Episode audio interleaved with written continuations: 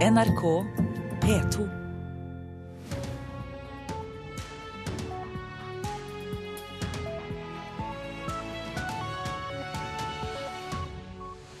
God morgen, dette er overskrifter i Nyhetsmorgen tirsdag 19. mai. 25 000 mennesker på flukt fra den irakiske byen Ramadi, ifølge FN. Fortsatt vanskelig hjelpearbeid etter jordskjelvet i Nepal, forteller Stine Næss fra Leger uten grenser. Vår utfordring er at vi kjemper mot tiden, fordi regntiden og monsunen den kommer nå snart. Kripos' nasjonale voldtektsgruppe blir permanent. Veldig bra, sier bistandsadvokat. Mishagsytringer under Melodi Grand Prix. Det kan skje i Wien i kveld, rettet mot det russiske bidraget.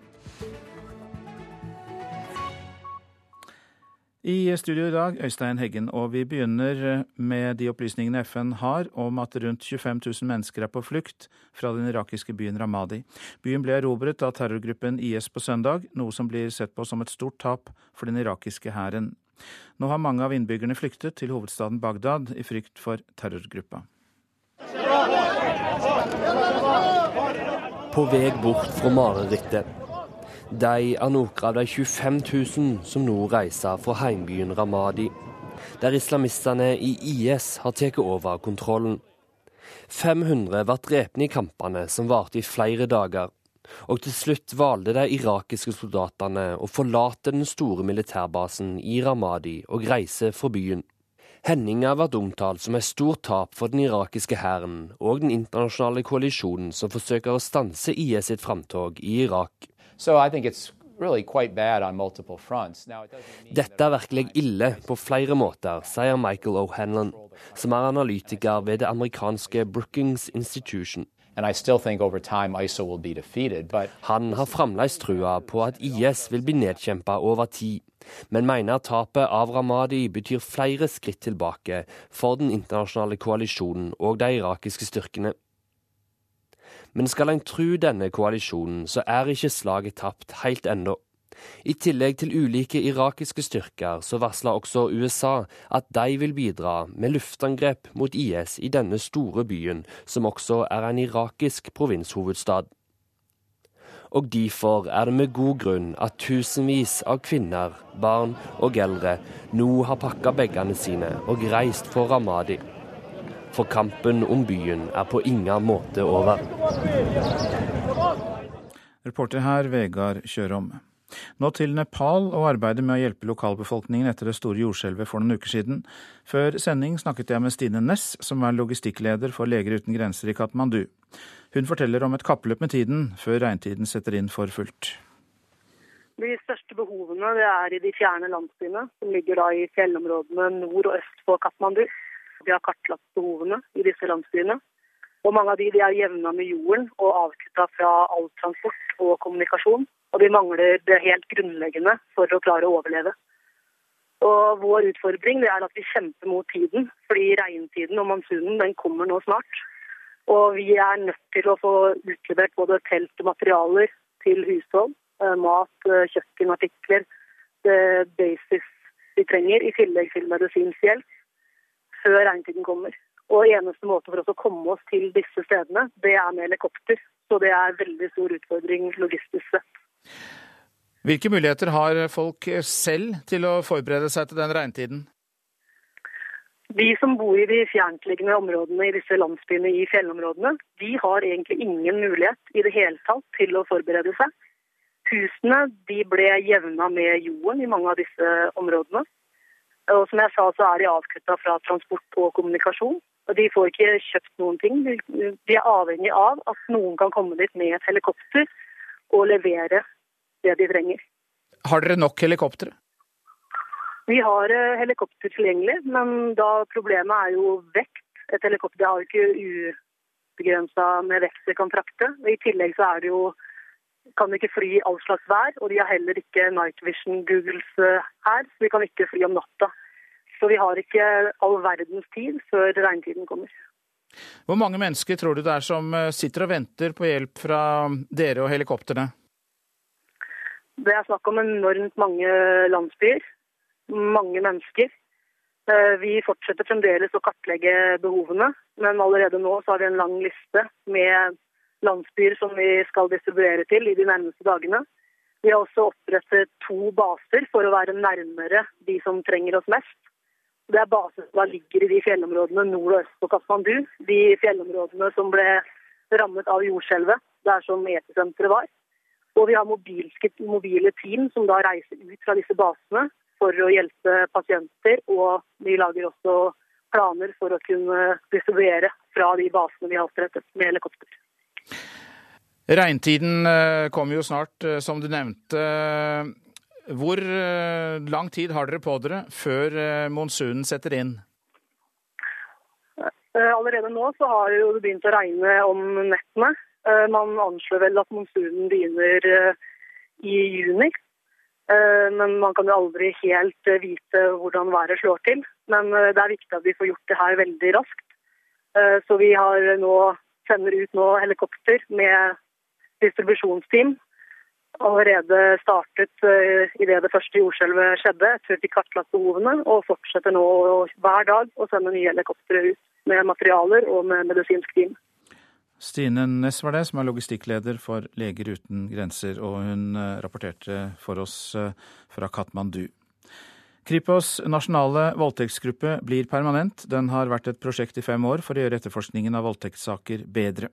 Det er veldig bra at den blir permanent, og den bør satses eh, mer på fremover, sier bistandsadvokat Hege Salomon, som var medlem av regjeringens voldtektsutvalg for noen år siden. Jeg syns det er svært gledelig at voldtektsgruppa nå blir permanent. Eh, og jeg håper at man også fremover vil utvide gruppens eh, både mandat og funksjon i tråd med voldtektsutvalgets anbefalinger. Eh, slik at da gruppen også kan være mer tilgjengelig både for lokalt politi eh, og for publikum. Voldtektsgruppa skal bl.a. bidra til bedre etterforskning og raskere oppklaring av voldtektssaker.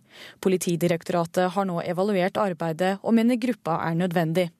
Det er viktig å opprettholde et nasjonalt miljø både for informasjon og kompetansedeling. Sier Astrid Borge i seksjon for kriminalitetsbekjempelse. Og Det er også viktig å ha et sentralt, kompetansetungt organ som kan overta særlig krevende saker, og særlig hvis det er saker som eh, har forgreninger til flere politidistrikt. Reporter Liv Rønnaug Lilleåsen.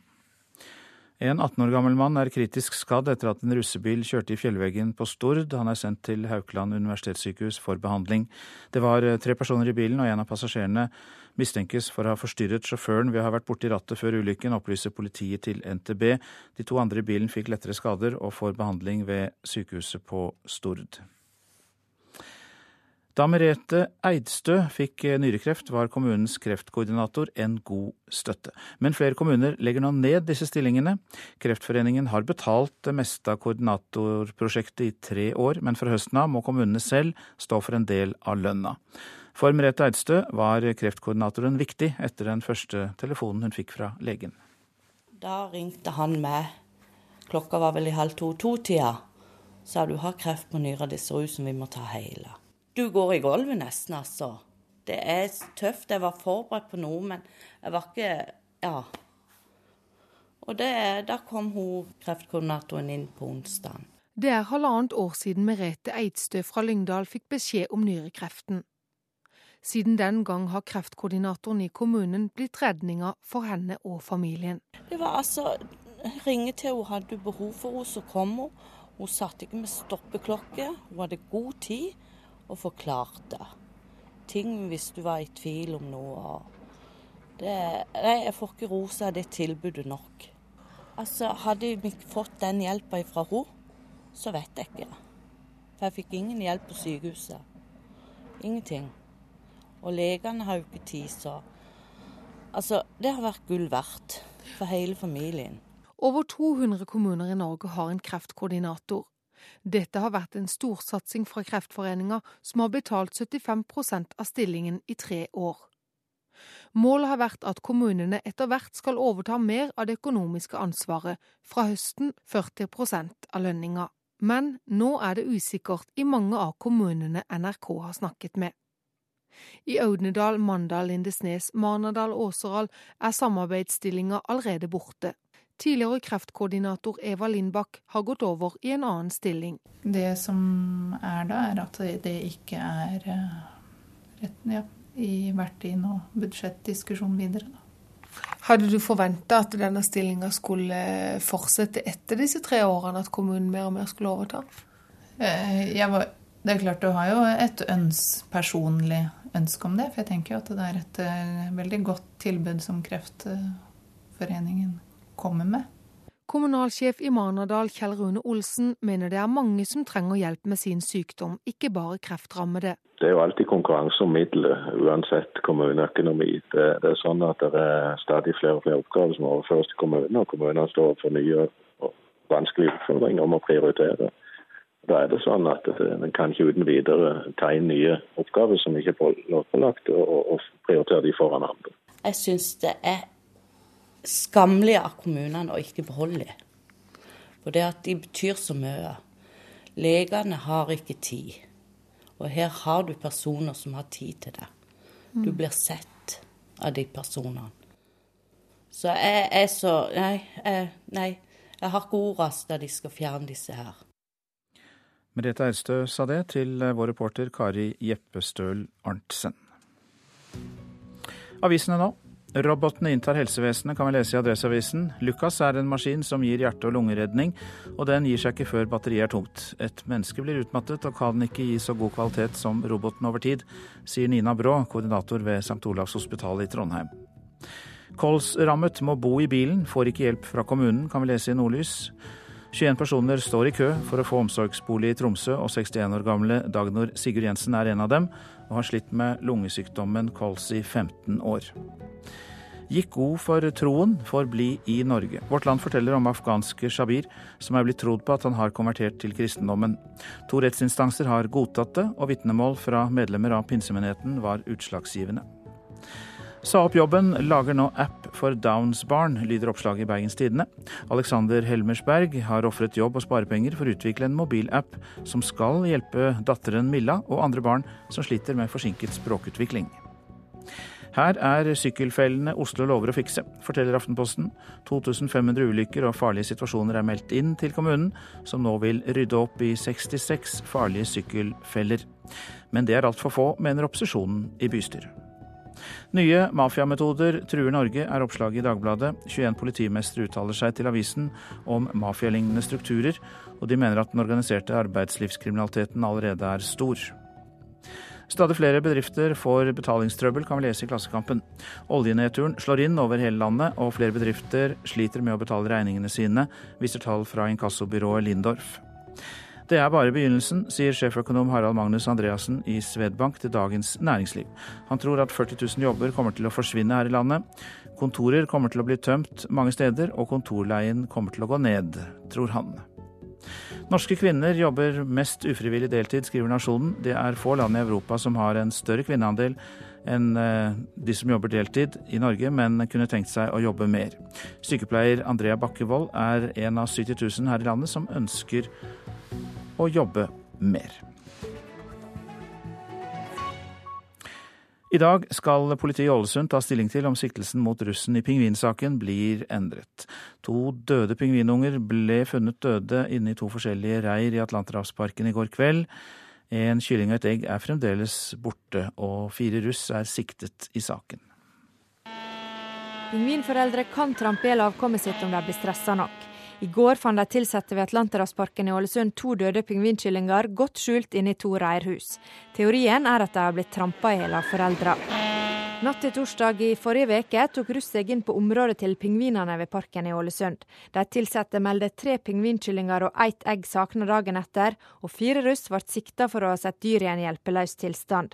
De fire tilsto å ha tatt seg inn i parken, men nekta for å ha tatt med seg pingvinunger. Det er klart at dette styrker troverdigheten i de forklaringene som er gitt. De har erkjent fra første stund at de tok seg inn på området og vært inne på selve pingvinområdet, men at ikke de har fjerna noe. Det sier politiinspektør Yngve Skovli ved Sunnmøre politidistrikt. Politiet skal i dag avgjøre om siktinga mot ungdommene blir endra. Advokaten til en av russerne, Aksel Lange, mener gårsdagens funn styrker saka til klienten hans. Eh, jeg syns det er eh, veldig, veldig uheldig. Eh, jeg syns det er en, en, dårlig behandling av Atlanterhavsparken, som henger ut russ tidlig og setter seg raskt til dommer i saken. Og så viser det seg at de nå eh, gjennom eh, disse dagene som har gått, ikke har hatt helt oversikt. Men ved Atlanterhavsparken i Ålesund mangler det fremdeles en kylling og et egg. De ansatte mener de ikke kunne gjennomsøkt pingvinområdet før i går, pga. at de hekkende pingvinene ble for stressa. Vi har gått gjennom ellers for å lete etter eh, egg eller eh, resteegget og den siste pingvinen. Og det vi med 100% sikkerhet kan si, at den kyllingen er ikke i reirkassa si. Daglig leder ved Atlanterhavsparken i Ålesund, Tor Erik Standal, reporter Olaug Bjørnseth. Ikke sammenlign deg med andre og vær åpen for hjelp. Det sier langdistanseløper Karoline Bjerkeli Grøvdal etter at hun som 18-åring slet med spiseforstyrrelser. I ett år har Friidrettsforbundet hatt en prøveordning med helsesertifikat der for tynne utøvere får startnekt. Bjerkeli Grøvdal håper erfaringene hun har høstet kan hjelpe andre. Det beste rådet er å ikke sammenligne seg med andre. Eh, det er veldig lett å gjøre det, sammenligne seg med den beste utøveren. Eh, alle har forskjellige behov, så det er egentlig kanskje mest den sammenligninga. Eh, og selvfølgelig å være, være, åpen for hjelp, være åpen for når folk vil hjelpe deg, og ta imot råd. Det var etter VM i Osaka i 2007 at Bjerkeli Grøvdal ble nektet start i over én sesong pga. spiseforstyrrelser. I går arrangerte Sunn jenteidrett fagdag på Norges idrettshøgskole, ett år etter at norsk friidrett innførte vekt- og helsesertifikat for mellom- og langdistanseløpere. Erfaringene med ordningen har vært positive. Jeg håper jo det at de kan være et forbilde for unge løpere. Eh, jeg har liksom vært, eh, vært igjennom en del. Jeg er jo nå 25 år og har jo en del erfaring. Så, så klart det er ikke enkelt å være 17-18 år og ha lyst til å bli verdens beste løper. Da, gjør du, det gjør du alt for å bli så god. Og klart da er det veldig viktig å ha riktige folk rundt seg og, som kan hjelpe deg når ting kan bli vanskelig, eller liksom styre det på riktig. da. Bjerkeli Grøvdal understreker at tett oppfølging i tillegg til sertifikatet er viktig. Så jeg håper jo det at oppfølginga etter du har det sertifikatet, det må jo være bra for Olympiatoppen. Og, og sikre at det, det er varig løsning, at det ikke bare er en kamp om å nå det, og så, og så er ikke oppfølginga det lenger. Så så klart eh, oppfølgingen er viktig i etterkant òg, å følge det opp. Og reporter her, det var eh, Hilde Liengen. Klokka den eh, passerte nettopp 6.47. Dette er hovedsaker i Nyhetsmorgen. 25 000 mennesker på flukt fra den irakiske byen Ramadi, ifølge FN. Fortsatt vanskelig hjelpearbeid etter jordskjelvet i Nepal. Et kappløp med tiden for å få hjelp ut før regntiden setter inn, sier Leger uten grenser. Flere kommuner legger ned kreftkoordinatorene når Kreftforeningen ikke lenger betaler utgiftene. Og her kan du få tips om hvordan du kan lage din egen maling. Melodi Grand Prix-finalen har flere ganger vært åsted for politiske ytringer. I fjor ble det russiske bidraget åpenlyst buet av publikum, i protest mot streng homolovgivning og konflikten i Ukraina. Og vi frykter det samme kan skje i år, sier leder Morten Thomassen i den norske Grand Prix-klubben. I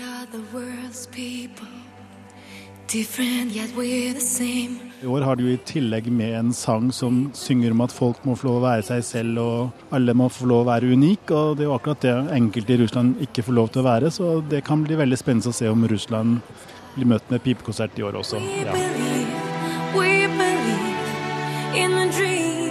Vi tror på en drøm. Sånn starter russiske Polina Gagarina sitt bidrag 'A Million Voices'. Låta og faren for en reprise på fjorårets pipekonsert er blitt en snakkis i Grand Prix-miljøet foran kveldens semifinale i Wien i Østerrike. Jeg tror nok det er en viss fare for at det blir buing rett og slett på at liksom, de er liksom, dobbeltsidig politisk. fordi liksom, De sier én ting, og så mener de noe annet når man i real life. Så jeg tror nok det er mange som har liksom dårlige følelser for låten allerede pga. dette.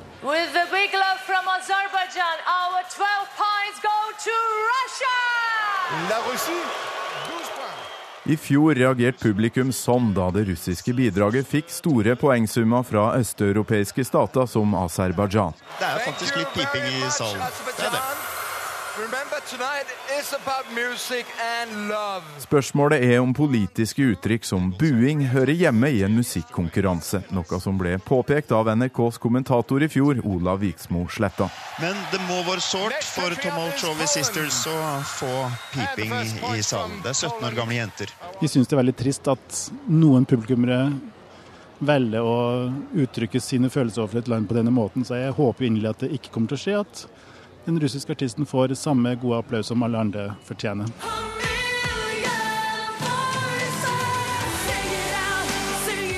Polina Gagarina og låta 'A Million Voices' hadde hatt sjansen til å vinne hele konkurransen hvis hun hadde kommet fra et annet land. Det tror Morten Thomassen i Grand Prix-klubben. Hadde det ikke vært for den politiske situasjonen, så tror jeg at Russland kunne vært en skikkelig vinnerkandidat. Men jeg tror nok at det, de sliter litt med å få nok sympati fra alle land til å kunne gå helt til topps.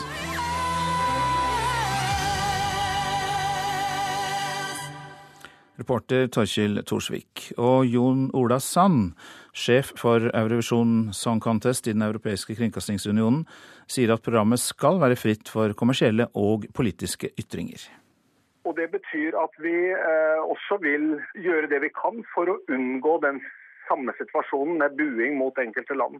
For Hvis vi åpner den, den døren, så kreerer vi et en plattform for ytringer i tre direktesendte show som vil undergrave alt det Eurovision Song Contest står for. Men har ikke publikum lov til å ytre seg som de ønsker, og vise hva de mener om et innslag?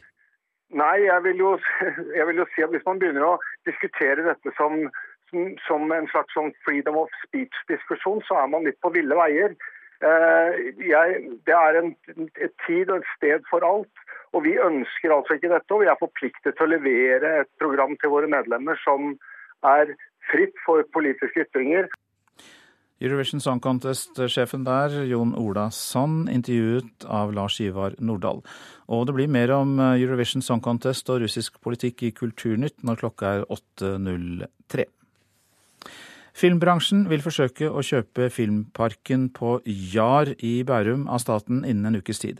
Det sier representanter for de fem store filmbransjeorganisasjonene til NRK. Dersom kjøpet går igjennom, vil Filmparken begynne å samarbeide med sin største konkurrent i Sverige, for å lokke til seg flere utenlandske filminnspillinger. Jeg kan røpe at vi kommer til å inngå et samarbeid med den potensielt største konkurrenten vår, Göteborg Filmstudio. Sier filmprodusent Jørgen Storm Rosenberg om at filmbransjen er klare for å legge inn bud på Filmparken på Jar. Kort fortalt vil bransjen forsøke å overtale Kulturdepartementet til å selge dem statens aksjer. Stiftelsen Filmparken skal etableres. Nå som alle norske kanaler ønsker å lage TV-serier, så er det et behov for et profesjonelt studio. Så hvis man bare holder ut litt til, så vil man se at bruken kommer tilbake.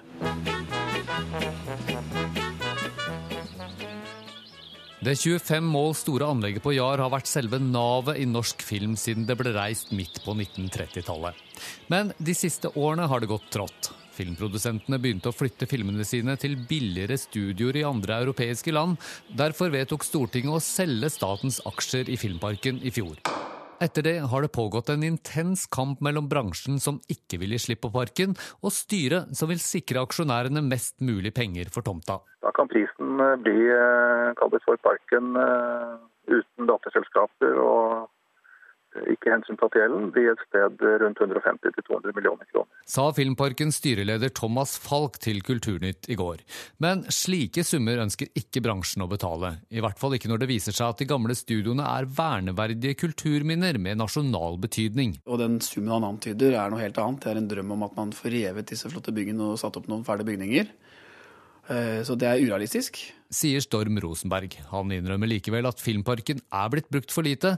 Derfor må filmprodusentene ta mer ansvar om det skal være liv laga. Vi ønsker å ha såkalte aktive leietagere. Dvs. Si at alle leietagere er potensielle brukere av studio eller utleie eller hva som helst. Eh, og på den måten så er det de som bor der, som bruker stedet. I tillegg vil samarbeidet med filmstudioet i Gøteborg lokke flere utenlandske filmer til parken på Jar. Det tror Sverre Pedersen i Filmforbundet, som er med på spleiselaget. Altså, Jar har jo eh, tre studioer med en begrenset størrelse på hver av de. Så til veldig store dekorasjoner så vil du ha behov for større fasiliteter enn det som Jar har. Og Dermed så blir samarbeidet med Gøteborg midt i blinken. Og reporter her var Petter Sommer. Ja, dersom du vil male huset på en billig og miljøvennlig måte, så kan du rett og slett lage din egen maling. Det skal vi høre om nå. Mange av ingrediensene er det naturen selv som byr på, forteller Odd Arne Rudi ved Valdresmusea. Ja, hovedingrediensen er jo vann, som har denne store kilden her. Koka opp det. Tilsett uh, kveitemjøl og litt salt og uh, jernhvitrol Og så har vi et spann her med, med pigment. Dette er falure som vi fikk av en sekk av. Så er det å koke sammen dette der. og med en stor kjel, ei kokeplate og de rette ingrediensene viser bygningsvernrådgiver ved Valdresmuseet, Odd Arne Rudi, hvor enkelt det faktisk er å lage sin egen måling. Et av de mange gamle husene på det store museumsområdet på Valdres Folkemuseum på Fagernes har Rudi og andre entusiaster måla i ei djup rødfarge med såkalt komposisjonsmåling. Og fargeutvalget er uendelig dersom du er kreativ nok. Hvis den er litt kyndig og liker å eksperimentere, kan den grave seg opp noe pigment i jordbakken, i grøftekanter og slikt. Så han eh, kan eksperimentere seg fram til det. Valdresmuseet har kursa både huseiere og håndverkere i målingslaging, en sak som først ble omtalt i Aftenposten. Mange har deltatt på kurset, og planen er at enda flere kurs skal gjennomføres. Og skal en tro Rudi, er det mange fordeler ved å lære seg å lage egen måling. Og er miljøvennlig, lett å lage, eh, billig Eh, artig å jobbe med. Og for en 7-8 kroner literen så har du nok til Den får du produsert det hvis du lager det sjøl. Den 28 kroner literen, og så holder det jo i mange tiår, egentlig. da. Målinger skal potensielt kunne holde i mye 20 og 30 år, særlig dersom man bruker et lag med linoljemåling ytterst. Og Rudi mener den heimelaga målinga har mange fordeler sammenlignet med såkalt plastmåling, de fleste kjøper på butikken.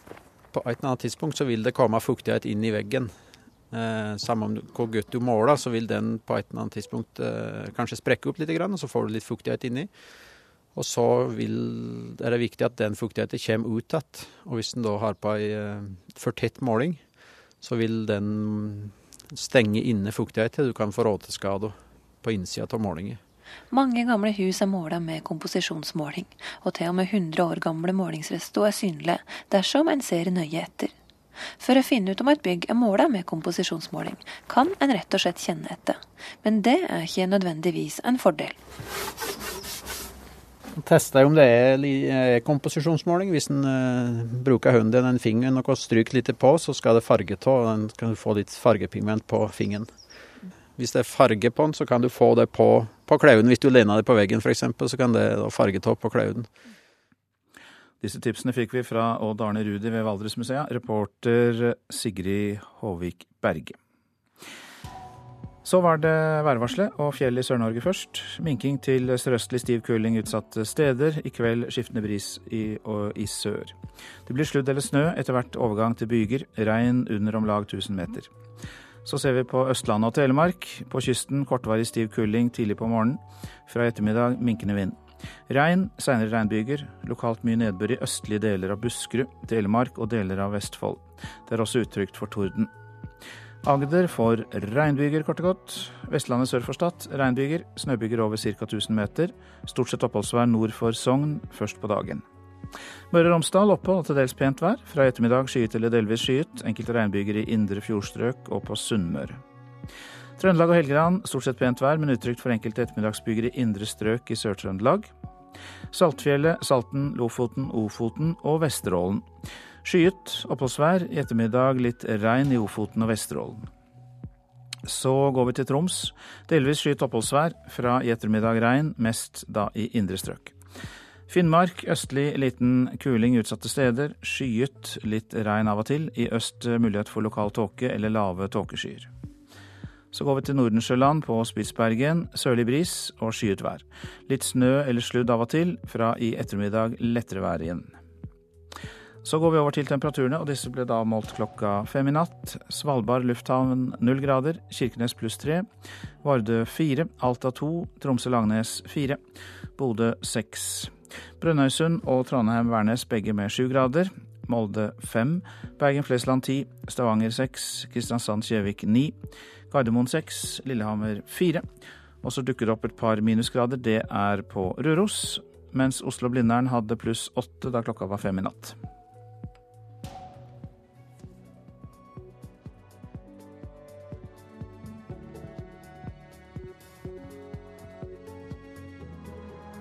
NRK P2.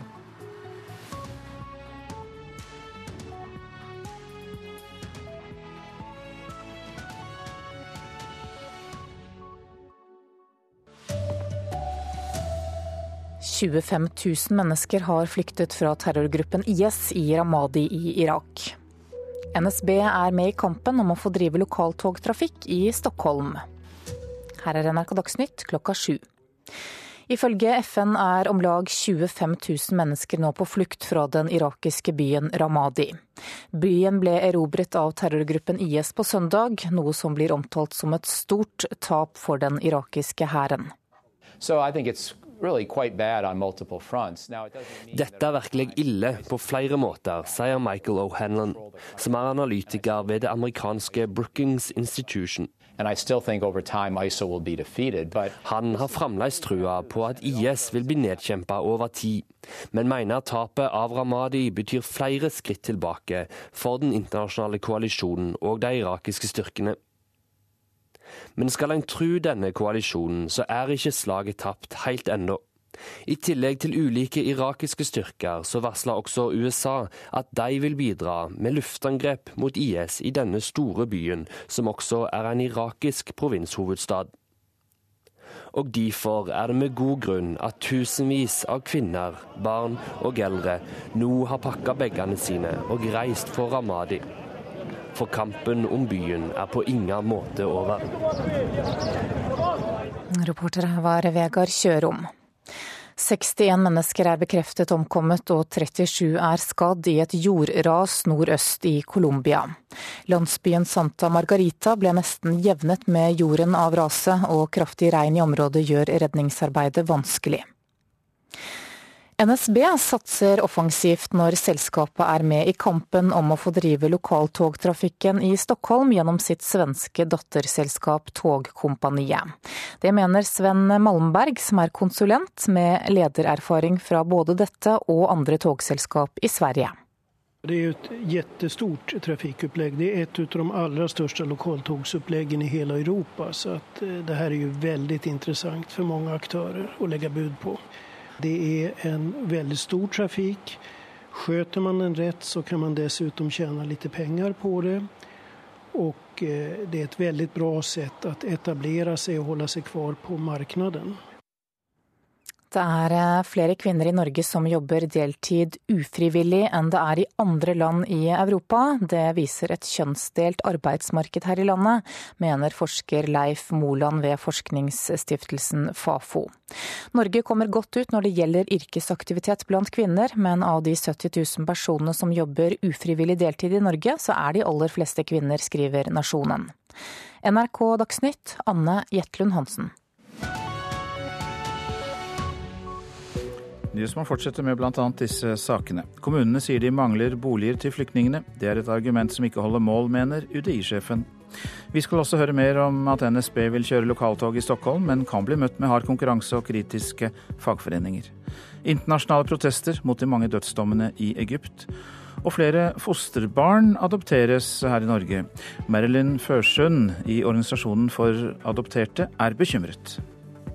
Du vil aldri høre ordentlig til i en adoptivfamilie. Og når du som voksen tar kontakt med biologisk familie, så hører du ikke til der heller. Vi mangler boliger og kan ikke ta imot flere flyktninger. Det har ofte vært kommunenes argument. Men det holder ikke mål, mener UDI-direktør Frode Forfang. Han ber kommunene finne boliger i det private leiemarkedet. I dag starter forhandlingene i Stortinget om hvor mange syriske kvoteflyktninger Norge skal bosette de neste to årene. Vi har mange gode eksempler på at eh, boligmangel ikke holder som et argument. Eh, det er boliger nok de aller fleste steder. Det sier direktør i Utlendingsdirektoratet Frode Forfang. Alle landets kommuner har blitt spurt om de kan bosette flere flyktninger, men så langt har bare tre av 428 kommuner kommet med et positivt svar til Integreringsdepartementet. Et hovedargument er at de ikke har boliger nok. Vi mener at erfaringen viser at det er nok boliger i det private markedet i dag. slik at eh, bruker man den boligmassen som er i det private markedet, så er det nok boliger. Vi har sett eksempler på kommuner hvor man har latt eh, flyktninger finne bolig selv. og Da har det vist seg at det er kommunale boliger som kan være en flaskehals, men det å finne boliger har vist seg ikke være et problem.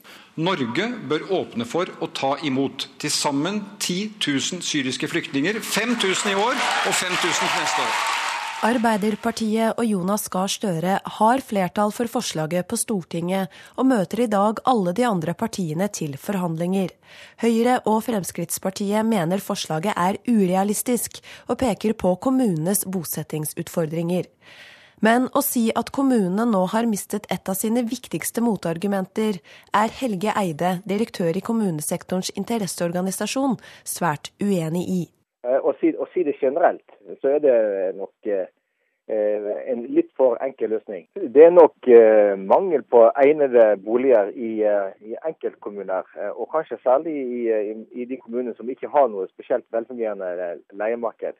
Men samtidig er det klart at, at mange kommuner, og kanskje særlig i de mer eh, pressområdene, eh, med fordel kunne sett eh, enda sterkere på mulighetene til å utnytte det private leiemarkedet for å kunne si ja til enda flere flyktninger. Reportere her Anne Mone Nordahl og Katrin Hellesnes.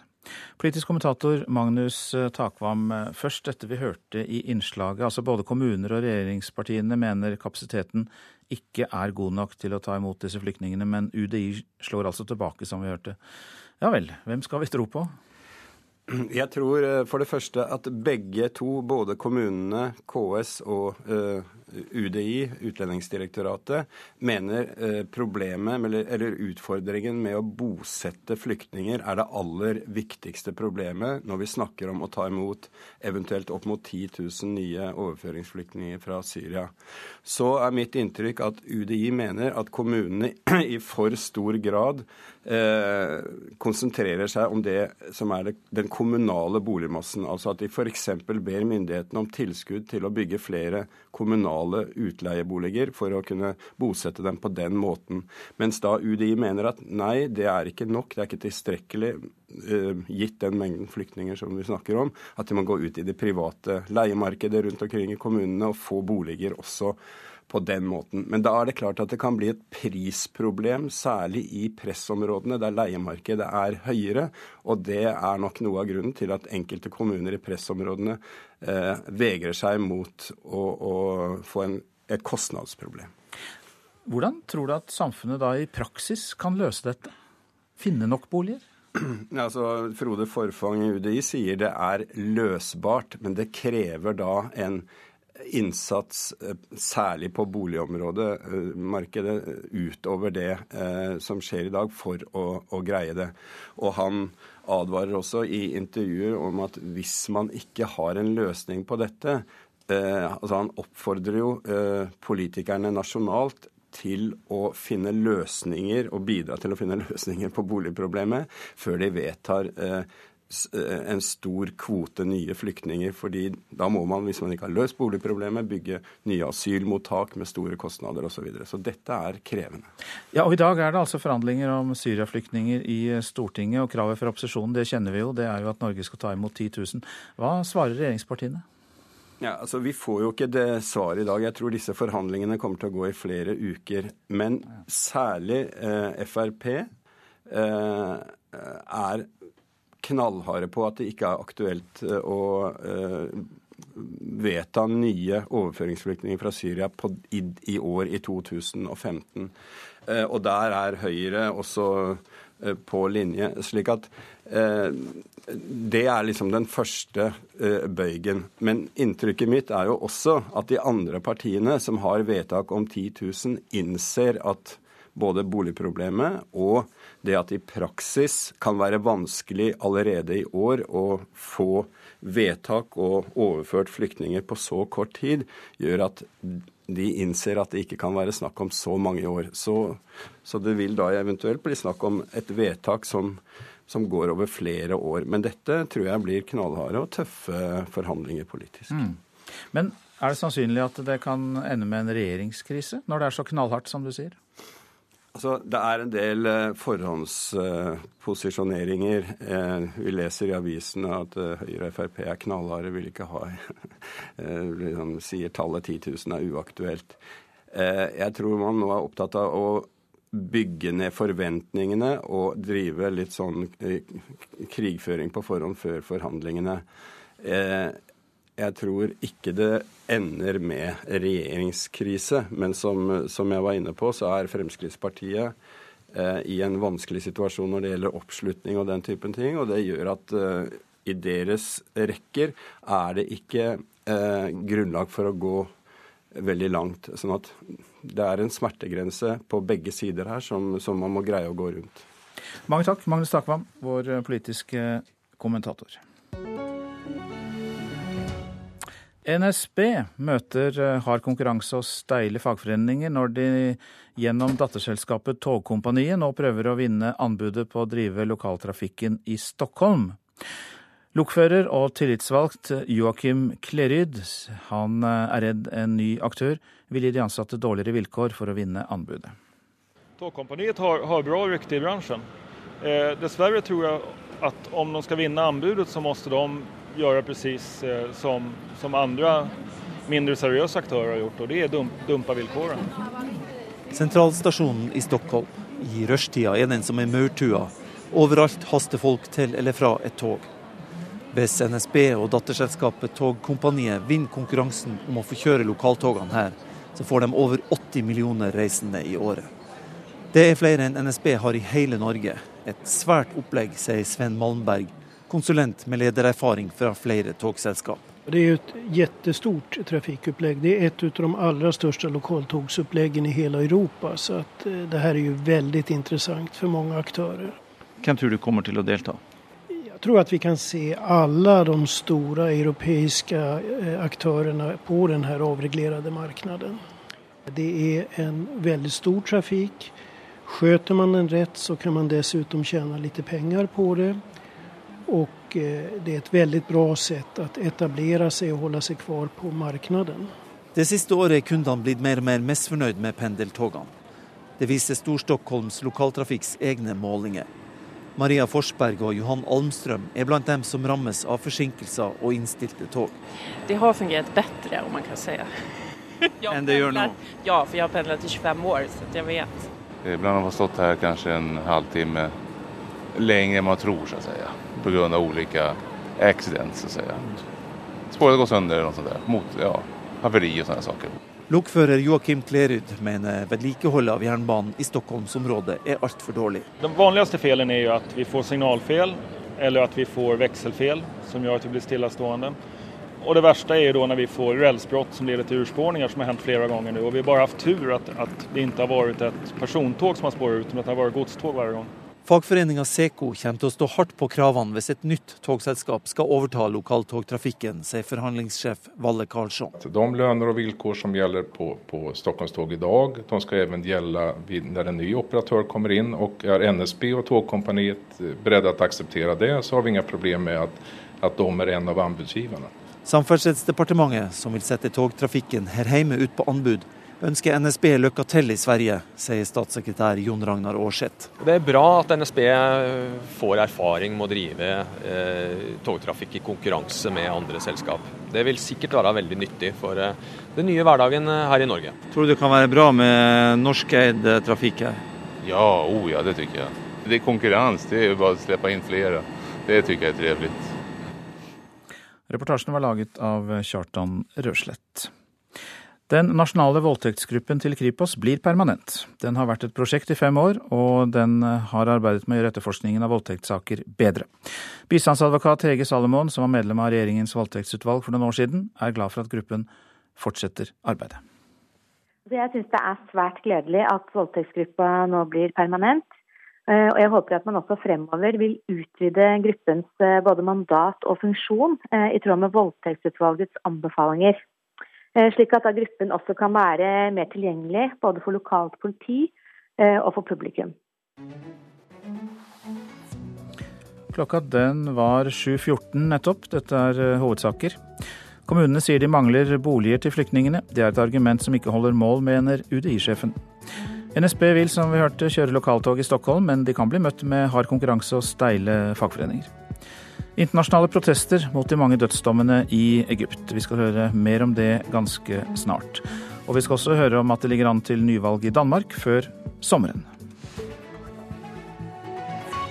Men først til Mexico. Der er fem barn pågrepet, mistenkt for å ha steinet, knivstukket og begravd en seks år gammel gutt. Og reporter Eva Marie Bulai, Du har undersøkt mer om denne saken, og kan du si mer om disse barna som er pågrepet? Ja, Det er da 15 år gamle gutter, to stykker av dem. Og så er det to 13 år gamle jenter og en 11 år gammel gutt som er pågrepet. Ifølge nyhetsbyrået AFP så var den drept og de her fem naboer og kjente hverandre godt. Når ble denne gutten funnet, denne seksåringen? Ja, Det er da seks år gamle Kristoffer som ble funnet i ei grunn grav, og han ble funnet to dager etter at han sist ble sett sammen med flere barn i utkanten av en by som heter Chihuahua i Mexico. Da han ble funnet, det var da etter at de her eh, fem barna hadde forklart seg. Hvordan er reaksjonene i Mexico? Selvfølgelig er de sjokkert over det som har skjedd. Samtidig så skjer jo det her i en stat i Mexico som har opplevd noe av det verste blodbadet, der eh, narkotikagjenger har drept tusenvis av mennesker i eh, bandeoppgjør. Eh, påtalemyndigheten de sier i en uttalelse at denne saken illustrerer eh, hva for et sosialt forfall landet opplever. Hvilken straff eller hva er det myndighetene kan komme til å gjøre med disse barna? Altså De to 15 år gamle guttene de risikerer fengselsstraff hvis de blir funnet skyldige, mens de tre yngre barna eventuelt vil få en annen type straff.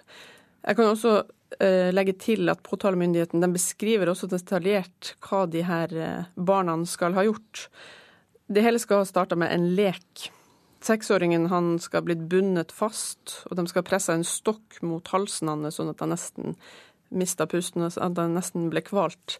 Og da han da falt på bakken, så skal han ha blitt knivstukket. Og det som er jo noe av det mest uh, grusomme i det her, er jo at de har begravd denne gutten og, og gått ifra han. Eh, jeg kan også legge til at eh, det er jo eh, organisasjoner i Mexico som sier at de her fem barna som nå er tiltalt eller er mistenkt for drap, sjøl er ofre for et nærmiljø som er prega av ekstrem vold. Og at de bare da gjenspeiler den voldsomme volden og den bestialiteten som er i samfunnet rundt dem. Det var reporter Eva Marie Bulai som var studieorientert om dette.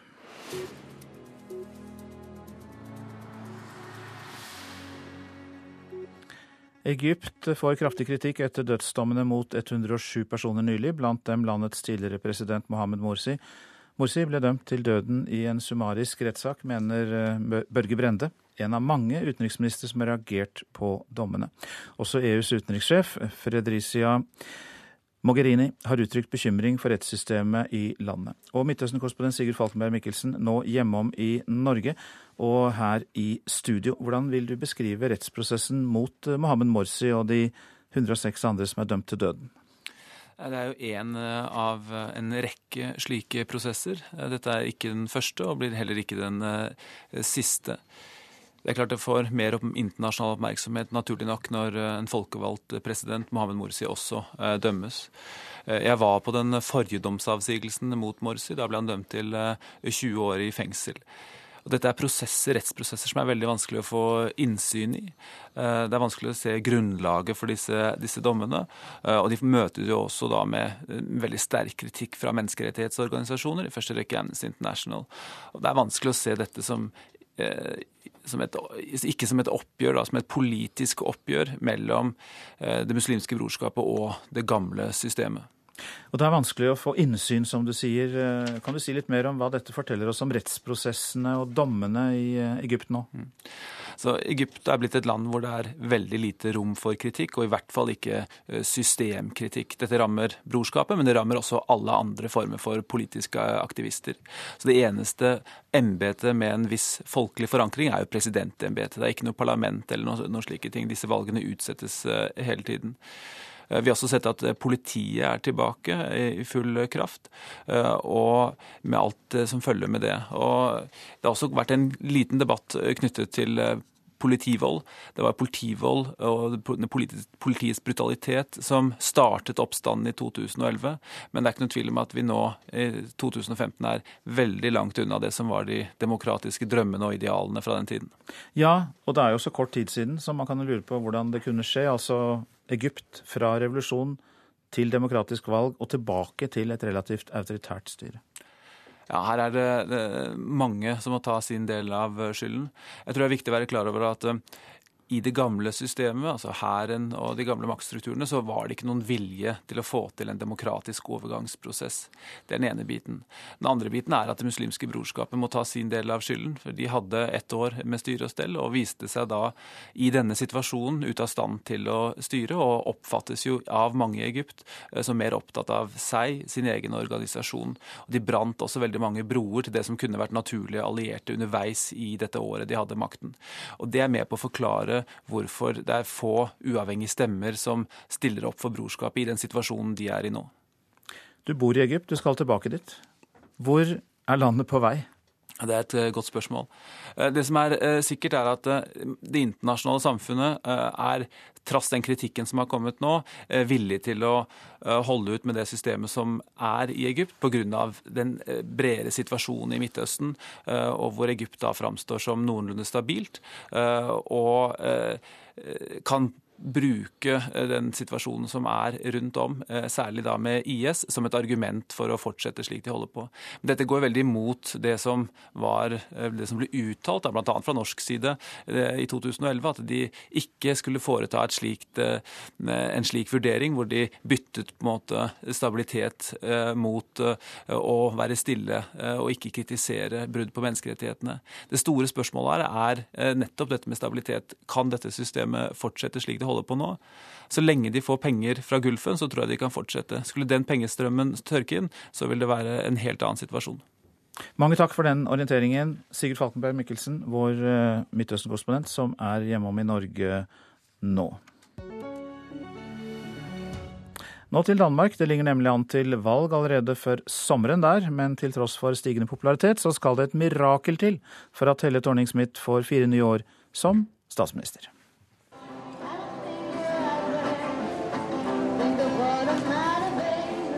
En gatemusikant skaper liv på strøket i København.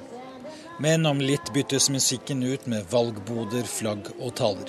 For det går mot valg, og det alle spør seg om er om statsminister Helle Thorning-Smith får fire nye år, eller om det er de blå, med den gamle statsminister Lars Løkke Rasmussen, som igjen skal innta regjeringskontorene. Øh, jeg tror bare at, øh, hun har ført inn for blå politikk til at, at det er noen som gidder å stemme på henne igjen fra venstrefløyen konservativ. Så. så det er Lars Løkke som eh, får din stemme? Han skal bare være mer skarp i hans eh, utvelginger og la være å lave så mange dumme ting, så, så går det nok. I Folketinget kan det virke som om valgkampen allerede er i gang. Jeg hadde, jeg, jeg hadde ikke noen drøm om at statsministeren var i den villfarelsen. Hvis PT hadde registrert at jeg hadde gjort en feil. Politikerne vil vite hva Helle Thorning-Smith visste om sikkerheten ved synagogen etter terroren som rammet byen i februar. Det er en stigende respekt i den danske befolkningen for personen og politikeren Helle Thorning-Smith eh, som det ikke var for to-tre år siden. Politisk kommentator Jens Ringberg sier det skal et mirakel til for at Thorning-Smith får fire nye år. Hennes røde blokk med Sosialdemokratene, Sosialistisk Folkeparti, Enhetslisten, Alternativet og de radikale er ikke store nok mot de blå i Venstre, de konservative, Liberal allianse og Kristeligdemokratene. Ja, hun, har, hun har noe lederskap å byde på, og det er helt nytt fordi hun har vært en upopulær og litt eh, ikke respektert statsminister. Så det har vendt. Tilbake står at hennes blokk står til å tape, og hun dermed også sannsynligvis er ferdig om noen få uker i dansk politikk. Tror du Helle overlever eh, fire, år, fire nye år? Det håper jeg. Hvorfor det? Hvorfor det? Fordi jeg nok er mest til den røde siden. Men Lars er vi trett av. Hvem som skal sitte i Borgen velges minst hvert fjerde år. Derfor skal det neste valg holdes senest 14.9. Men mange i det politiske miljøet spår at statsministeren vil skrive ut valg allerede i dag eller i neste uke. Da blir det valg før sommeren. Øyvind Nyborg, København. Så til eh, noe av det avisene er opptatt av i dag. Robotene inntar helsevesenet, kan vi lese om i Adresseavisen. Lukas er en maskin som gir hjerte- og lungeredning, og den gir seg ikke før batteriet er tomt. Et menneske blir utmattet og kan ikke gi så god kvalitet som roboten over lang tid, sier Nina Brå, koordinator ved St. Olavs hospital i Trondheim. Gikk god for troen får bli i Norge. Vårt Land forteller om afghanske Shabir, som er blitt trodd på at han har konvertert til kristendommen To rettsinstanser har godtatt det, og vitnemål fra medlemmer av pinsemenigheten var utslagsgivende. Her er sykkelfellene Oslo lover å fikse, forteller Aftenposten. 2500 ulykker og farlige situasjoner er meldt inn til kommunen, som nå vil rydde opp i 66 farlige sykkelfeller. Men det er altfor få, mener opposisjonen i bystyret. Nye mafiametoder truer Norge, er oppslaget i Dagbladet. 21 politimestere uttaler seg til avisen om mafialignende strukturer, og de mener at den organiserte arbeidslivskriminaliteten allerede er stor. Stadig flere bedrifter får betalingstrøbbel, kan vi lese i Klassekampen. Oljenedturen slår inn over hele landet, og flere bedrifter sliter med å betale regningene sine, viser tall fra inkassobyrået Lindorf. Det er bare begynnelsen, sier sjeføkonom Harald Magnus Andreassen i Svedbank til Dagens Næringsliv. Han tror 40 000 jobber kommer til å forsvinne her i landet. Kontorer kommer til å bli tømt mange steder, og kontorleien kommer til å gå ned. Norske kvinner jobber mest ufrivillig deltid, skriver Nasjonen. Det er få land i Europa som har en større kvinneandel som jobber deltid, men som kunne tenkt seg å jobbe mer. Sykepleier Andrea Bakke Wold er en av de 70 000 deltidsarbeiderne som ønsker mer å gjøre her i landet. I løpet av de siste fem år er antallet adopsjoner av fosterbarn fordoblet. Forklaringen kan være at myndighetene for få år siden uttrykte ønske om flere slike adopsjoner. I 2013 var det 57 fosterbarn som ble adoptert. Det bekymrer lederen av Organisasjonen for adopterte, Marilyn Førsund. Altså En adopsjon det er jo noe endelig. Altså Da, da bryter man alle biologiske bånd. Hun liker ikke utviklingen av at flere fosterbarn adopteres. Leder for organisasjonen Adopterte, Marilyn Førsund. Og Jeg blir skeptisk, og det er på en måte det blir litt sånn reprise av vår tid, da. En på den siden I går fortalte NRK om den store gruppa med norskadopterte barn. Over 50 000 barn ble adoptert i Norge på midten av 1900-tallet. Du hører aldri skikkelig til. Du, hører ikke, du vil aldri høre ordentlig til i en adopsjon eller adoptivfamilie. Eh, du, og når du som voksen da tar kontakt med biologisk familie, så hører du ikke til der heller. I Norge er antall utenlandsadopsjoner halvert de siste åra, men fosterbarnsadopsjonene de skyter i været. I løpet av de siste fem åra er de fordobla. I 2013 ble 57 barn adoptert av sine fosterforeldre. Barneminister Solveig Horne ønsker ikke at barnevernet blir et adopsjonskontor. Først og fremst så er det viktig for meg å signalisere til barnevernet at de må tenke forebyggende, tidlig innsats. Og hvis det skal skje en omsorgsovertagelse, så må de alltid, og det skal de gjøre, de er plikta til å se i nær familie og i nettverk før de gjør en omsorgsovertakelse til en fremmed familie. De opererer med begrepet barnets beste, men ingen kan fortelle hva barnets beste er for noe. Altså, det, det finnes ingen kriterier for hva som er barnets beste. Og en rapport om adopsjon utgitt av Folkehelseinstituttet viser at det går bra med de fleste adopterte, men at mange får en tøff start på livet som øker risikoen for psykiske plager. Men det er ikke forska på grupper med de 50 000 adopterte som nå er voksne. Og hvorfor ikke det, statsråd Horne? Nei, Det er veldig vanskelig for meg å si. Eh, det er noe som jeg nå har, eh, skal, vi må se på eh, og gå inn i for å se om at det burde vært forska mer på, på, den situasjonen som de barna hadde. Nå har nye adopsjonslov vært på høring, og Foreningen Adopterte ber regjeringen bremse antall adopsjoner av norske barn. De må vente til de, til de Altså, de må vente med til det er den ordentlige forskningen på plass. Hva hvordan det har gått med oss som er så mange, hva som, hva som skjer med et barn som blir adoptert, og hva som er barnets beste. Denne reportasjen var laget av Cecilie Berntsen Jåsund. Du lytter til eh, Nyhetsmorgen, produsent i dag Ulf Tannes Fjell. Her i studio Øystein Heggen. Det blir debatt om syriske flyktninger mellom SV og KrF i Politisk kvarter. Nå bor hun i Norge, men i El Salvador bidrar hun til å gjøre en biskop verdensberømt og saligkåret. Du kan møte Laura Hermandez i reportasjen etter Dagsnytt.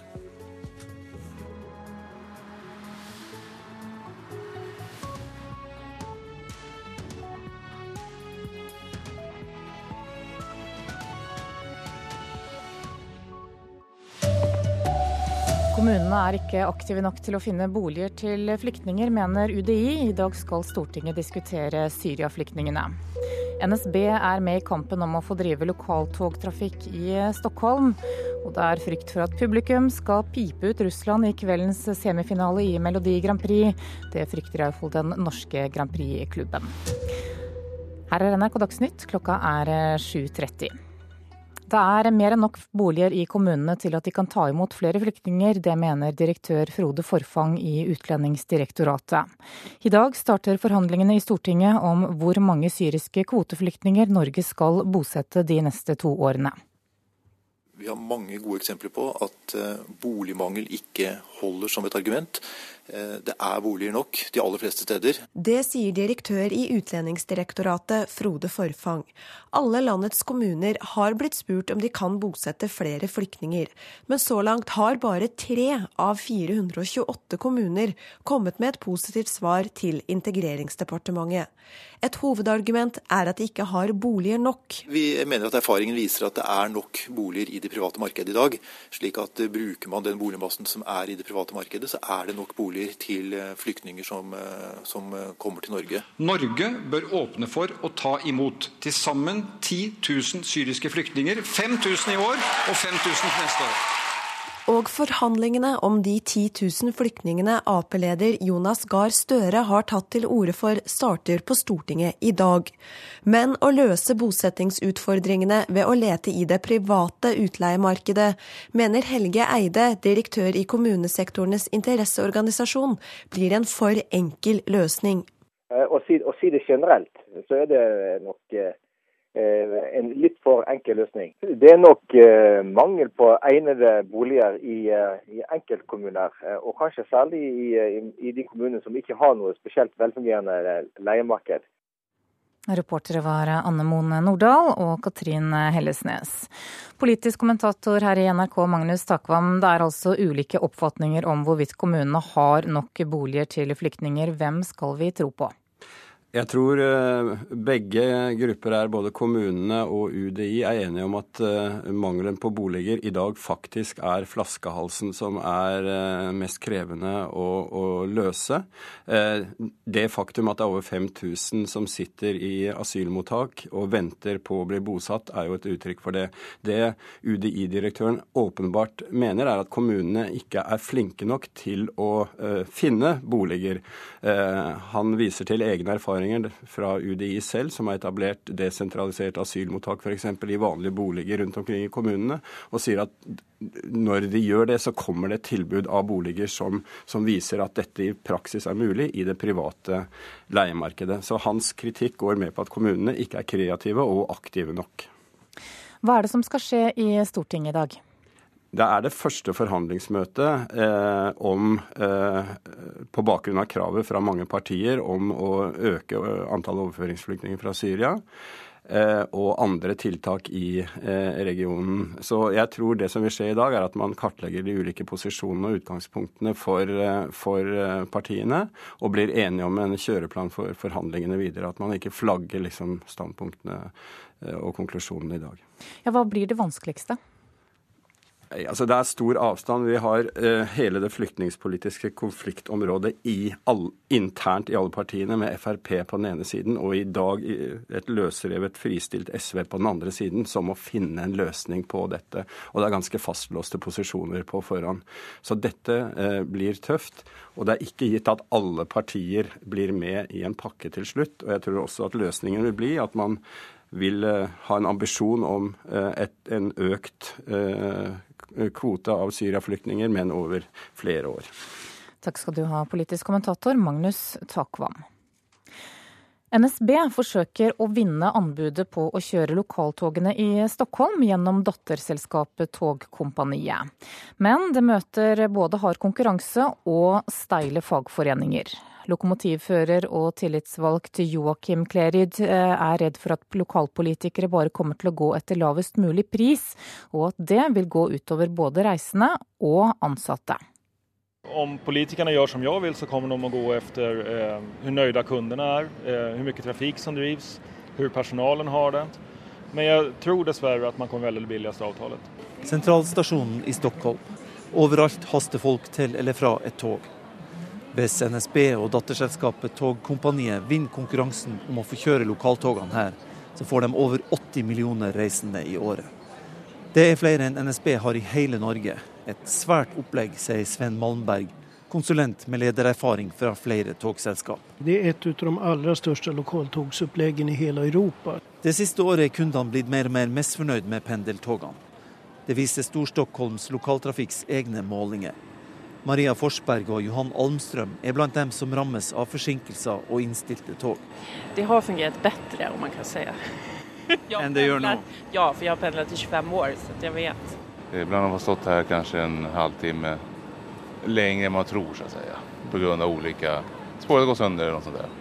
Havari og sånne saker. Fagforeninga Seko kommer til å stå hardt på kravene, sier forhandlingssjef Valle Karlsson. De lønner og vilkår som gjelder på, på Stockholmstog i dag, de skal også gjelde når en ny operatør kommer inn. og Er NSB og Togkompaniet beredt til å akseptere det, så har vi ingen problemer med at, at de er en av anbudsgiverne. Reporter var Kjartan Rørslett. NSB vil ikke kommentere saken nå, men statssekretær Jon Ragnar Aarseth i Samferdselsdepartementet mener det er bra at NSB satser utenlands. 61 mennesker er bekreftet omkommet og 37 er skadd i et jordras nordøst i Colombia. Landsbyen Santa Margarita ble nesten jevnet med jorden i raset, og kraftig regn i området gjør redningsarbeidet vanskelig. Det ligger an til at det blir valg i Danmark allerede før sommeren. Men til tross for stigende popularitet, så mener flere at det skal et mirakel til for at Helle Thorning-Schmidt får fire nye år som statsminister i Danmark. Sosialdemokratenes regjeringspartner De Radikale gjør det elendig, og samlet får ikke Rød blokk mer enn 45% viser meningsmålingene.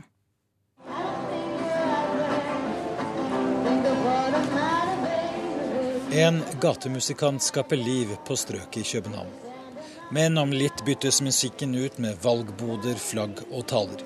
For det går mot valg, og det alle spør seg om er om statsminister Helle Thorning-Smith får fire nye år, eller om det er de blå, med den gamle statsminister Lars Løkke Rasmussen, som igjen skal innta regjeringskontorene. Det er en stigende respekt i den danske befolkningen for personen og politikeren Helle Thorning-Smith. Eh, som det ikke var for to-tre år siden. Politisk kommentator Jens Ringberg sier det skal et mirakel til for at Torning-Smith får fire nye år. Hennes røde blokk er ikke store nok mot de blå i Venstre, de konservative, Liberal allianse og Kristeligdemokratene. Tror du Helle overlever eh, fire, år, fire nye år? Det håper jeg. Hvem som skal sitte i Borgen velges minst hvert fjerde år. Derfor skal det neste valg holdes senest 14.9. Men mange i det politiske miljøet spår at statsministeren vil skrive ut valg allerede i dag eller i neste uke. Da blir det valg før sommeren. Øyvind Nyborg, København. Finalen i Melodi Grand Prix har flere ganger vært arena for politiske ytringer. I fjor ble det russiske bidraget møtt med buing, bl.a. pga. konflikten i Ukraina. Og vi frykter det samme i år, det sier leder Morten Thomassen i den norske Grand Prix-klubben. Jeg tror nok det er en viss fare for at det blir buing, rett og slett på at liksom, de er liksom, dobbeltsidig politisk. fordi liksom, de sier én ting, og så mener de noe annet når man i real life. Vi tror på en drøm. Slik starta russiske Polina Gagarina sitt bidrag 'A Million Voices'. Låten og faren for en reprise på fjorårets pipekonsert er blitt en snakkis i Grand Prix-miljøet før kveldens semifinale i Wien i Østerrike.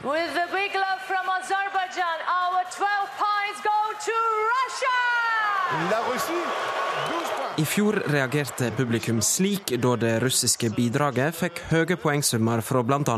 Aserbajdsjan. Sjef for Eurovision Song Contest, Jon Ola Sand, varsler nå tiltak for å hindre at det samme skjer igjen. Vi uh, vurderer en oppfordring til publikum om å ikke bruke Eurovision Song Contest som en arena for politiske ytringer mot Nordland. Og det kommer vi til å oppfordre ganske sterkt til å gjøre. Reportere var Torkil Torsvik og Lars Ivar Nordahl. Ansvarlig for sendingen var Anne Skårseth, teknisk ansvarlig Hanne Lunås, og her i studio Anne Gjertlund Hansen. Nyhetsmorgen lytter du til nå. Om en uke kommer Vatikanet til å saligkåre erkebiskop Oscar Romero fra El Salvador. Han var de svakes beskytter og ble skutt foran alteret i 1980. Pave Frans erklærte han som martyr i januar, neste år så blir han helgen.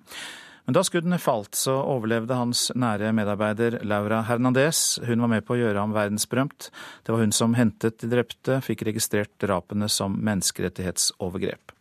Og så rømte Hernandez til Norge. Her har hun jevnlig møtt eh, vår medarbeider Sigrun Slapgard på kafé.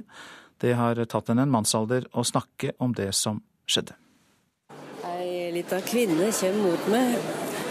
Det er klassiske maya-indianske trekk som smiler mot meg, men dette er jo ikke El Salvador, hennes heimland. Og Laura kunne nok eh, godt ha tenkt seg en salvadoransk kopp med kaffe. Dette her er en kafé på Storo, og det er her vi har møttes de siste åra. Hola. Hola. Jeg tenkte å se på deg der ute. Hola. Ja, over 30 år har du vært nå i Norge. Ja. Mm. Du kjente Romero godt.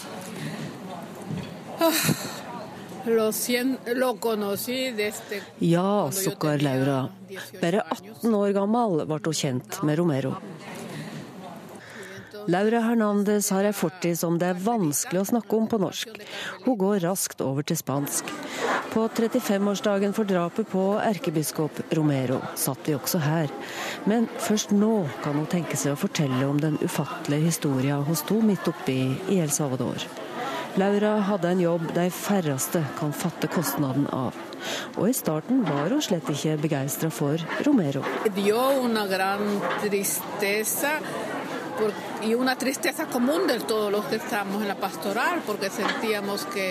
y lo habíamos conocido como muy conservador, muy aliado. Hun og de fleste andre som arbeider blant de fattige, var i starten skeptiske til konservative Romero. Men så kom forandringa. Hubo una masacre de campesinos y Monseñor Romero dijo al gobierno en massakre på forsvarsløse bønder ble vendepunktet for Romero. Da gikk han ut og stilte regjeringa til ansvar, og alt forandra seg, også for Laura. Nosotros continuamos eh, el trabajo en el día, recogiendo muertos, tomando fotos a los asesinados, oyendo a la gente llorando, buscando sus desaparecidos. Det var Lauras jobb å hente de døde, dokumentere forsvinninger. Men fra da av våga hun ikke å sove hjemme.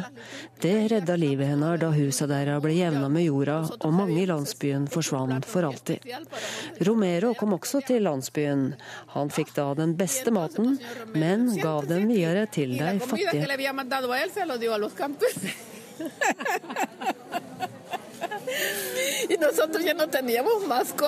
Ja, hun ler mye mer nå, Laura. Hun kjenner seg oppmuntra av at Romero snart blir helgen.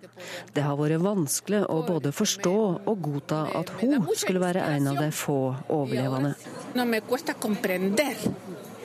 Og por qué tengo esa suerte de, de vivir todavía. Que quizás, eh, no que quizás, pero tengo que... Hun spør seg stadig hvorfor. Fire ganger unnslapp hun døden. Og det er én spesiell sang hun alltid har med seg, Laura. No entiendo por qué yo tengo la vida. Por eso me gusta esa canción que dice gracias a la vida, porque...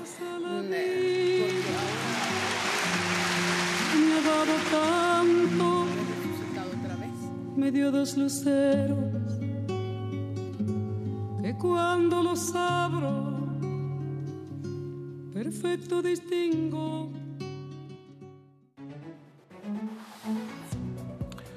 Hovedsaker i Nyhetsmorgen. Kommunene er ikke aktive nok for å finne boliger til flyktninger, mener UDI. NSB er nå med i anbudskampen om å få drive lokaltrafikk i Stockholm. Det ligger an til nyvalg i Danmark før sommeren. Statsminister Helle Thorning-Smith er blitt mer populær, men ifølge målingene blir ikke regjeringen hennes gjenvalgt.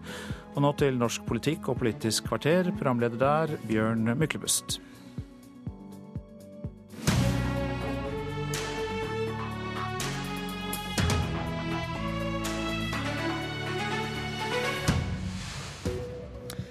Kan vi allerede slå fast at Norge ikke henter 10 000 syriske flyktninger til Norge?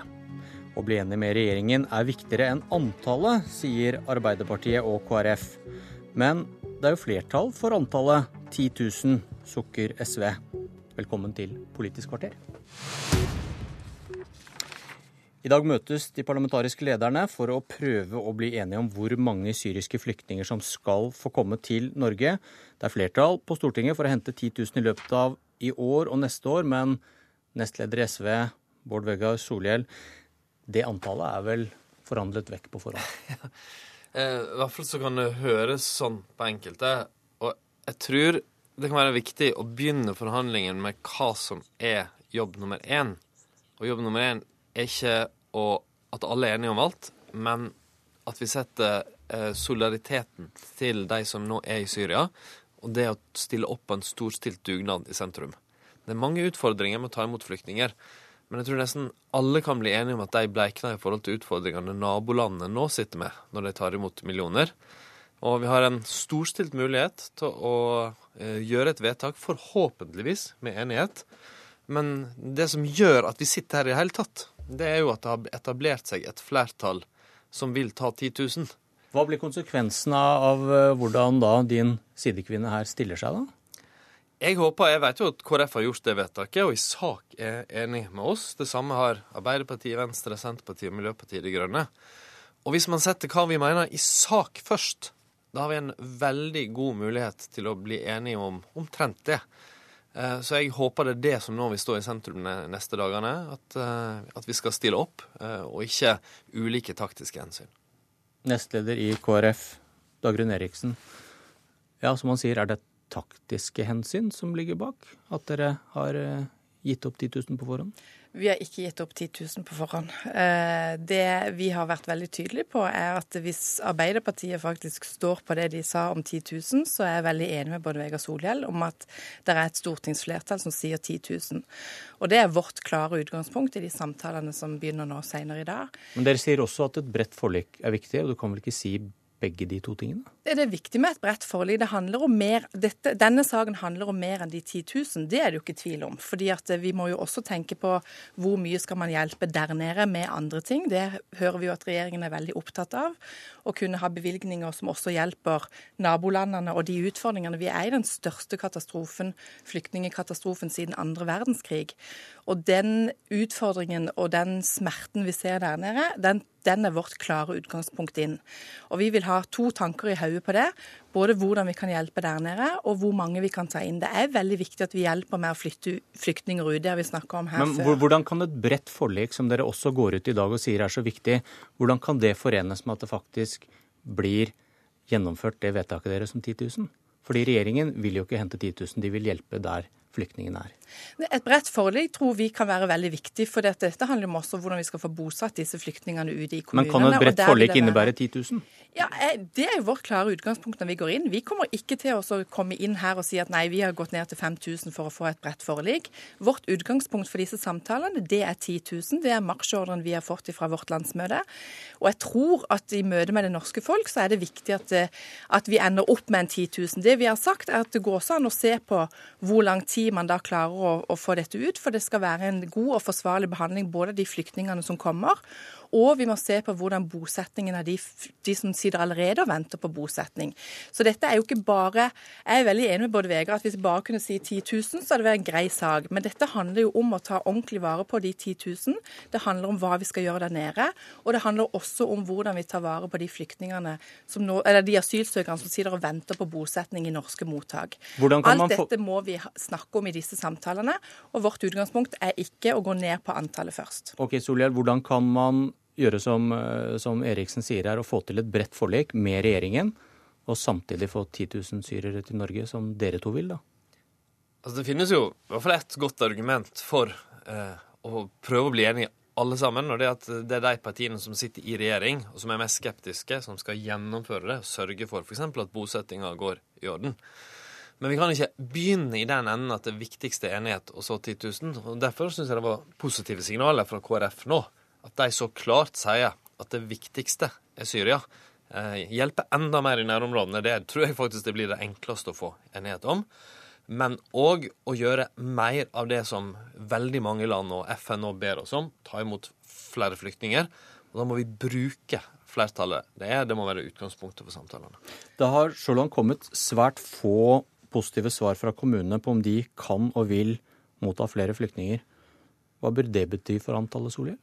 Jeg, jeg tror det, at mange kommuner eh, vil være villige til å stille opp, men ha det klare kravet at det skal komme økonomi eh, og støtte fra nasjonale myndigheter med. Eh, og så tror jeg at Stortinget her må regne med å ta et lederansvar. Og at det ikke kan være sånn at vi summerer opp hva kommunene sier. Og et lederansvar her, det betyr at vi Å tvinge dem. Det betyr å legge press på det. Eh, Og hjelpe til med å bruke nye muligheter. Jeg hører at UDI på radioen i dag tidlig sier at det er fullt mulig å bosette flere enn en del kommuner gjør, hvis man er kreative.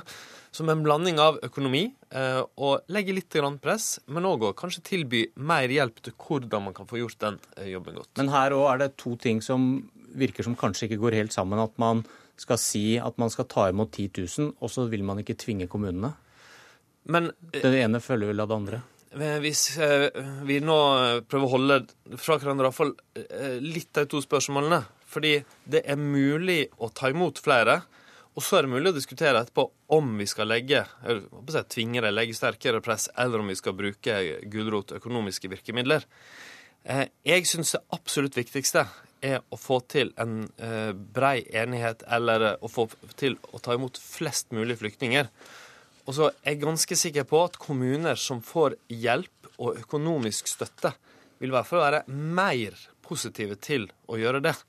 Men at vi er nødt til å ta det lederansvaret og sette tall, og ta ansvaret for det tallet, det er jeg òg overbevist om.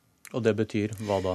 Dette viser jo nettopp at det må snakkes om mer enn bare 10 000 i disse samtalene. For vi hadde to veldig flotte diskusjoner på landsmøtet vårt. Det ene handla om å se nøden nede i Syria på de 10 000. Men det alene blir en, blir en veldig symbolsak hvis ikke vi da også har en diskusjon på hvordan vi tar imot bosetting og hvordan vi får plassert de ut. Og det er klart Når bare tre kommuner har svart nå, selv om det er ni dager til fristen går ut, og vi kan håpe at det er flere som stiller opp, så handler det også om hvordan vi tar vare på de. Sånn at disse samtalene må handle om mer enn bare de 10 000. Det må handle om hvordan vi hjelper der nede. Det må handle om hvordan, hvor mange vi får tatt imot her. Men det må også handle om den jobben som vi egentlig burde tatt før disse syreflyktningene kom, nemlig diskusjonen om hvordan vi får til bosetting av de som har fått oppholdstillatelse i Norge. Det er en positivitet i det norske folk. Man ønsker å ta imot syriske flyktninger, men man ønsker også å gjøre det på en skikkelig måte. Solhjell, eh, hvorfor mener du at asylbarndebatten i vår og denne saken bør bane veien for et nytt samarbeid mellom Mm. dere, Arbeiderpartiet, og hun som sitter ved siden av deg? Fordi at jeg over år har sett at uh, den politiske debatten i Norge er organisert i den tradisjonelle høyre-venstre-aksen, som er liksom økonomiske politikk, skatt, velferd. Mens områder som miljø, eh, flyktning- og innvandringspolitikken og andre ting som personvern bryter en del med det. Det er områder der KrF og SV ofte har mye til felles, eh, kanskje mer enn de partiene vi samarbeider med. Eh, Men vi er vans vanskelig for å få gjennomslag på hver vår side. Vi har, hadde begrensa gjennomslag i regjering med Arbeiderpartiet og Senterpartiet. Nå er KrF og Venstre utenfor regjering og har begrensa gjennomslag med Høyre og Frp. Og hvis vi et øyeblikk lar debatten om hvem som var best ligge, så mener jeg at det er eh, mer å hente hvis vi kunne samarbeide om felles krav og initiativer, og stå sammen tettere i sånne debatter, eh, og utfordre de store partiene sammen. Men det opplever jeg at vi har gjort i de forskjellige samarbeidene vi har vært i. Vi heier veldig på eh, asylbarnsaken når SV satt i regjering. Eh, nå skal det sies at vi fikk til mer med de Høyre og Fremskrittspartiet på asylbarn enn det eh, SV klarte. Problemet her er, som Bård Vegar sier, det er de store partiene. Eh, men det jeg er veldig glad for å se, er at jeg tror at asylbarnsaken har gjort noe med det norske folk og det norske folks holdninger til dette. Det syns jeg er kjempepositivt. Det er en mer positivitet til våre barn eh, og til å ta imot et mangfold i Norge, og det setter i hvert fall KrF veldig pris på. Og hvis du savnet stemmer fra andre partier i dag, Frp kunne ikke, Høyre, Arbeiderpartiet og Venstre ville ikke, takk til dere. Hun kunne og ville. Og så bytter vi mannskap. Magnus Takvam, politisk kommentator i NRK. Hva, hva tror du om forutsetningene for et samarbeid som Solhjell håper på her?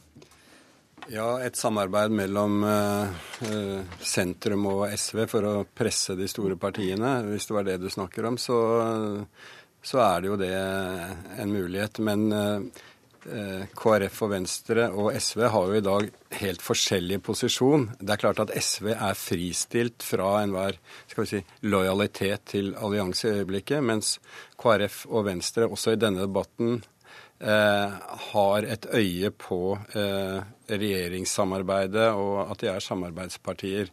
Eh, sånn at de, vil, de kommer åpenbart med mer pragmatiske signaler enn det SV gjør av den grunn her og nå. Berit Aalborg, samfunnsredaktør i Vårt Land. Tror du på et slikt samarbeid? Jeg tror det er veldig, i hvert fall Forutsetningene for det, det samarbeidet som, eh, som Solhjell drar frem, det tror jeg er veldig sånn usikkert. Altså han, han, det er nok litt ønsketenkning at det flertallet er så sterkt. Eh, som det, som det, han vil ha det til. Og ehm, jeg, jeg tror ikke Arbeiderpartiet har forandra seg så mye som det Solhjell vil ha det til. Og du hører også disse signalene fra Kristelig Folkeparti, som er, som Magnus Takam sier, ganske pragmatiske. De er villige til å forhandle. Og selv om eh, Dagrun Eriksen sier at utgangspunktet er 10 000 flyktninger, så hører du også at hun er villig til å se på hvordan eh, kommunene skal ta imot. Og jeg leser både Arbeiderpartiledelsen og, og, og KrF-ledelsen nå mye mer tilbake tilbakeholdne enn de var på landsmøtene da disse vedtakene ble gjort. Ja, Takvam, hva, hva tenker du om Arbeiderpartiets rolle og hvordan de går inn i disse forhandlingene nå? Det er jo det store spenningsmomentet. Jeg er i utgangspunktet enig i at eh, Arbeiderpartiet i flyktning- og asylpolitikken ikke har flyttet seg eh, eh, skal vi si, vesentlig i og med landsmøtet. Eh, det var eh, likevel om å gjøre for Arbeiderpartiet å gi et signal om at de har myket opp asylpolitikk og flyktningpolitikk noe, men det var ikke operative vedtak på landsmøtet som, som, eh, varslet om et linjeskifte. Det er klart at å øke antallet overføringsflyktninger fra Syria, som landsmøtet gjorde, eh, er ikke så kontroversielt uh, i Arbeiderpartiet og heller ikke i andre partier, i og med at disse flyktningene i utgangspunktet har oppholdstillatelse og er uh, ukontroversielle på den uh, måten. Men jeg tror at Arbeiderpartiet i disse forhandlingene er opptatt, veldig opptatt av å få til en, en bred allianse, og ikke bli oppfattet som det partiet som på en måte på egen hånd tar ledelsen her i, i arbeidet. Hørte du jo Støre sa i går at vår politikk ligger fast. Eh, og, og, det er jo sånn at Arbeiderpartiet både litt i forkant av sitt eget landsmøte, men særlig nå etterkant, har ligget lavere på målingene enn de har gjort tidligere. Ja, Hva betyr det? det bet jeg tror i hvert fall veldig mange leser det, og jeg tror særlig Arbeiderpartiet leser det sånn, at uh, dette, denne flyktningepolitikken kan ha, ha, bidratt til at de har falt litt på målingene.